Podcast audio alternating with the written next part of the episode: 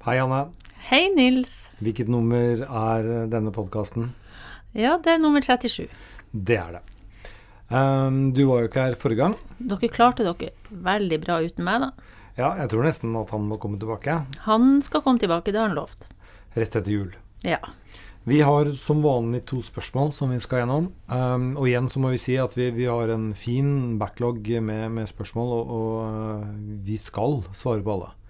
Uh, men fortsett å sende inn også, for vi kan slå sammen uh, noen spørsmål som uh, har den samme tematikken. ja, det tenker jeg. For noen spørsmål eh, er litt sånn gjentagende, sånn at en får kanskje svar gjennom andre. Eh, så ja. Ja. Um, vennskap er egentlig eh, tema for eh, spørsmål nummer én jeg leser. En god kamerat av meg kuttet meg ut uten forvarsel på søndag. Han har slitt med psykiske problemer siden barndommen etter en turbulent skilsmisse for foreldre når han var seks år. Barndommen var turbulent, og han har slitt med å fullføre skole. Men har nå klart vitnemål og går nå på NTNU. Jeg ble kjent med han da han jobbet litt der jeg jobber, og vi traff godt. Planla og dro på tur til Canada og USA og ble godt kjent med hverandre. Etter et kjærlighetsforhold som eh, endte med brudd, som han har tatt tungt, støttet han seg på meg. Vi hadde utallige samtaler der jeg prøvde å støtte, trøste, råde etter beste evne. Jeg reiste på helgebesøk til han, for han hadde ikke lyst eller ork til å være alene. Hjalp til med innkjøp til leilighet, lånte han penger til ny laptop, han går på data og ny Mac var en drøm, og har i det hele tatt prøvd etter beste evne å være der for ham. Også i forhold til skole og styrking av eget selvbilde, som er dårlig. Han er begynt med faste samtaler hos psykolog, snakket sammen senest fredag, og på søndag får jeg tilbakebetalt det han har lånt, og beskjed om at jeg gjør han ukomfortabel, men ville ikke si noe mer.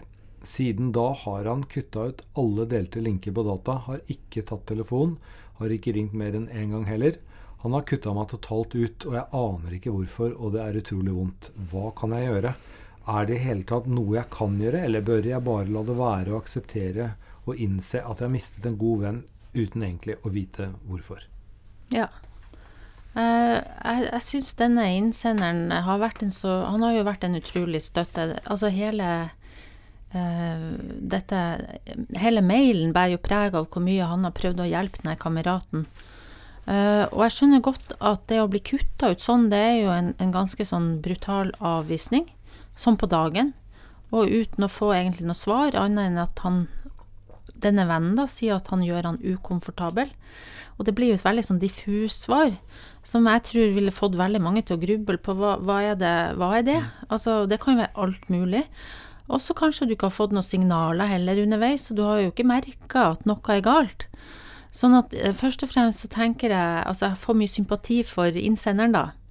Og jeg tenker at det er liksom viktig for han Uh, eh, ta litt vare på seg sjøl oppi det her òg. Ikke bare liksom være opptatt av uh, vennen og, og, og hvordan han har det, men også kanskje litt sånn seg sjøl, og få litt sånn selvmedfølelse med seg sjøl oppi det hele. Jeg tenker på det, den tilbakemeldingen som at han gjør han ukomfortabel. Ja. Uh, altså Den kan jo tolkes i i hvert fall to forskjellige måter. Ja. Det kan tolkes som om denne vennen tror at innsenderen vil noe mer. Altså at eh, Er det liksom ukomfortabelt med Hva er det du egentlig vil med vennskapet? Eh, Eh, ja. Om man skal innlede et forhold, liksom. Eh, det er det ene. Mm. Og ukomfortabel i forhold til etter at han gikk til psykolog. Altså Mm. er det noe eh, er det, er det noe som har skjedd i terapien som han kanskje da mener at han må bare forholde seg til én, håper å si, terapeut, hvis den har vært en eh, sånn uh, hobby-vennskapelig terapeut? Mm. At det blir for mye? ja, Eller det den tredje kan faktisk være også at menn er jo ikke så veldig stor fan av å vise følelser. Nei. Og uh, jeg tolker jo innsenderen dit hen at uh, han som har kuttet ut kontakten, har jo virkelig vist alle følelsene sine til denne vennen, Mm. og fått hjelp til det. Eh, Det kan også føles litt ukomfortabelt hvis du ikke har lyst til eh, å vise så mye følelser. Altså at eh, man er litt svak, sånn mannlig svak i, i, i dette vennskapet, med at det er én som på en måte har Mm. åpnet sjelen sin og at man rett og slett føler, er ukomfortabel fordi noen andre vet litt vel mye om en? Jeg vet ikke. Det var mange alternative svar her på en gang, eller eh, spørsmål, undringer rundt hva det her kan være. Jeg tenker at eh, eh, Og nå må du hjelpe meg sånn at jeg klarer å huske alt, for du hadde tre, tre. forskjellige alternativ. Men eh, når du snakker om det her med å bli ukomfortabel i forhold til hva vil den her vennen? Altså er det et forhold han er ute etter, eller altså blir det for intimt på et vis? Så vil jeg tenke at i hvert fall generelt, da, mange som har hatt belasta oppvekster, opplevd en del utfordringer uh, Nå vet denne vennen har jo opplevd en del ting før som han plages med nå. Uh, de er jo ikke så vant med det der å være nær folk med følelser. Litt av utfordringa for dem har jo vært at oppveksten har vært prega av manglende oppmerksomhet rundt egne følelser, de har ikke fått delt dem med andre, de har ikke fått trøst, de har ikke fått en bekreftelse på at det er ålreit å føle som du føler det, og kanskje ikke lært seg å benevne heller. Hva er det du føler? Så sånn sett så kan det jo ha blitt for nært på et vis. Um, og da At du liksom avviser for at du sjøl syns det blir for nært. Altså det, det, er flere som går til meg som sier det, altså de, de som har hatt mye belastninger i oppvekst, at at, at, hvis de da møter noen ikke sant, som er veldig snill, og vil dem alt vel, så er det veldig ukomfortabelt, fordi det er utrolig uvant, og de blir litt sånn mistenksomme nesten. Hva, mm. hva, vil denne personen? Ja. Uh, og det kan jo bety at denne innsenderen da uh, faktisk bare har gode hensikter og vil alt godt, men at den andre rett og slett uh, mistolker det.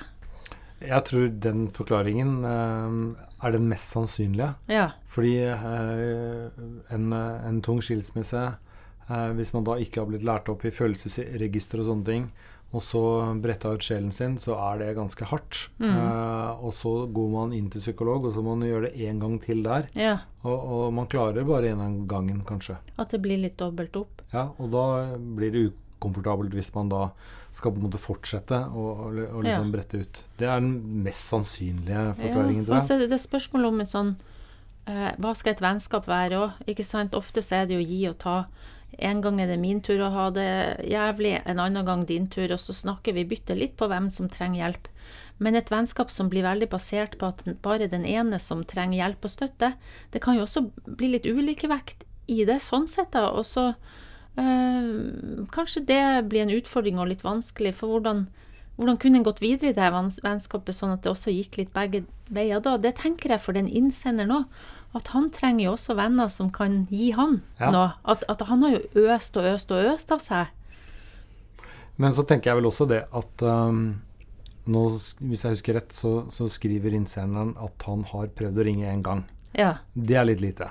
Fordi jeg, jeg, jeg syns jo at uh, du, man må jo kreve et bedre svar, svar enn 'jeg er ukomfortabel', for det, det, holder faktisk ikke. Nei, det er jeg enig med deg. Og et vennskap er jo en sånn tosedighet, ja. så, så, det skylder den andre innsenderen, ja. syns jeg. Uh, og da kan man rett og slett kanskje sende en tekstmelding og si at 'jeg skjønner ikke helt hva som skjer'. Du sier at jeg føler meg ukomfortabel.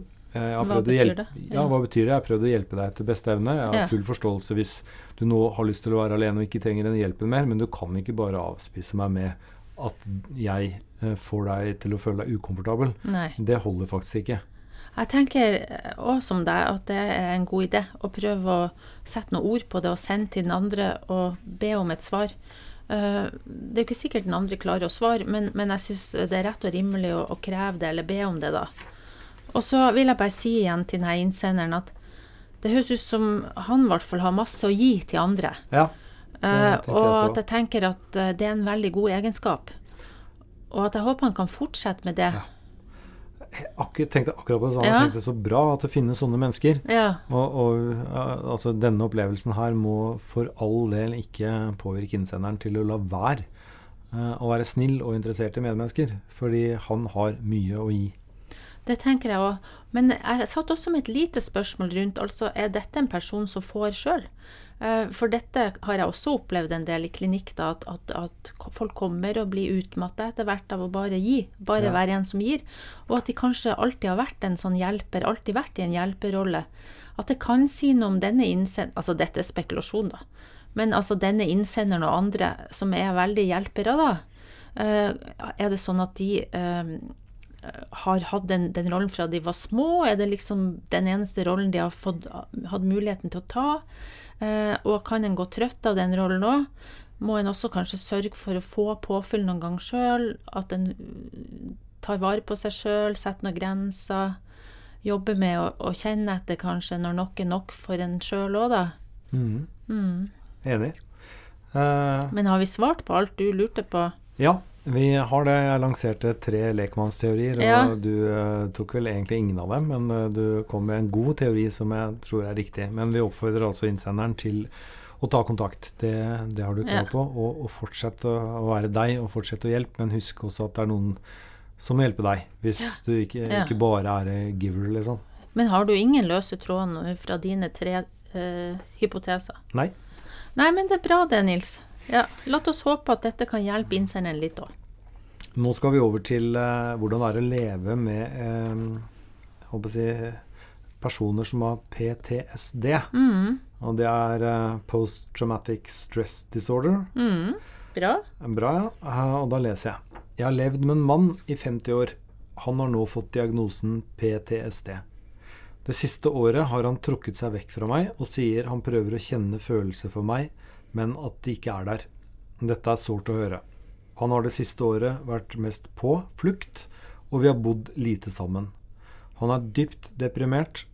Jeg selv sliter med angst og utrygghet for å miste ham. Han bruker meg ofte i sinne og fortvilelsesutbrudd. Han sier at det ikke er jeg som er adressaten, og at han får dårlig samvittighet etterpå. Jeg sliter med å stå lenge i dette limboet, men velger, vel, velger, det likevel i håp om at han skal bli frisk. Begge to går til behandling på DPS, tar veldig gjerne imot råd.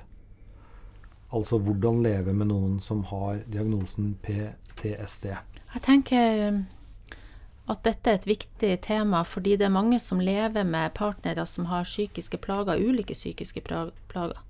Men det som er uh, litt typisk PTSD, det er jo uh, at du har de her påtrengende minnene som plager deg veldig. De kan jo komme i form av drømmer og flashbacks, eller at du tenker veldig mye tilbake på hendelser, traumehendelser som plager deg den dag i dag.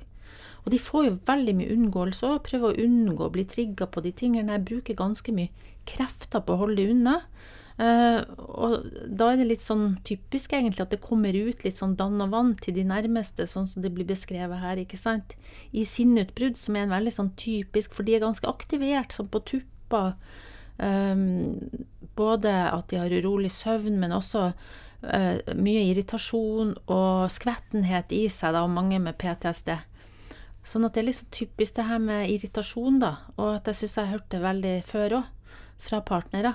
At, at, de opplever den andre som veldig irritert. Uh, og da tenker jeg denne innsenderen uh, har jo også noe i seg som gjør hun veldig utrygg. ikke sant? Hun veldig sånn redsel for å miste. Og om det bare handler om, om mannen nå, eller om det også handler om at hun grunnleggende har opplevd veldig mye å bli svikta eller miste andre. ikke sant? Det kan være komplisert på det viset òg.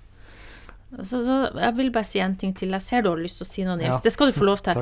Men, men, det som er da, er det her um, partnerforholdet hvis der De kan komme i et mønster, da, vet du, der hun blir veldig på og utrygg og kan bli litt sånn masete og på tuppa på Vil du gå fra meg? Uh, hvordan, hvordan Altså, redd for å bli avvist, og dermed kanskje nærmest motsatt, klamre seg litt fast. Mens han blir litt unnvikende, trekker seg unna, avvisende. Som liksom blir en sånn ond sirkel mellom de to, da. Sånn at jeg, jeg syns det høres veldig vanskelig ut. Hvis ikke de skal få hjelp sammen, hvis du skjønner. Nettopp. Sammen. Ja. Uh, Bra, vi tenker likt. Ja, det tenkte jeg på òg. For, ja. det, for det, det, er jo to ting her. Det ene er at uh, de har levd sammen lenge, ja. og han har nylig fått diagnosen. Ja. Ok? Ja. Og så er det det andre Nå fått, ja. Kanskje det er nylig, ja. Ja. Uh, og det andre er at han uh, sier at han uh, prøver å kjenne følelser for henne, mm. men at ikke de er der. Mm. Og at han nå har liksom vært på flukt. Så å, å ta en parterapi er kanskje ikke så dumt, for man må jo sortere. Mm. Det, det, kan òg være at han vil ut. Mm.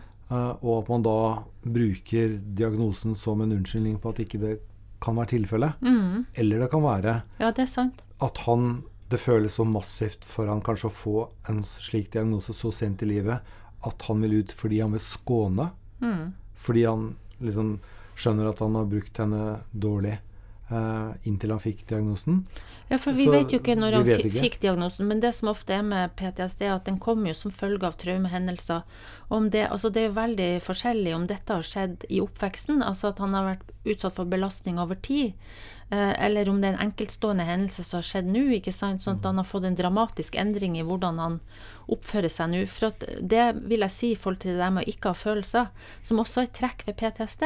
At den blir litt nummen og frakobla, faktisk. Og mange sier til meg at de har ikke kontakt med følelsene sine. De lever litt i en sånn boble på et vis, eller de føler seg på sida av seg sjøl. Det er en sånn typisk posttraumatisk stressreaksjon, Ja. faktisk.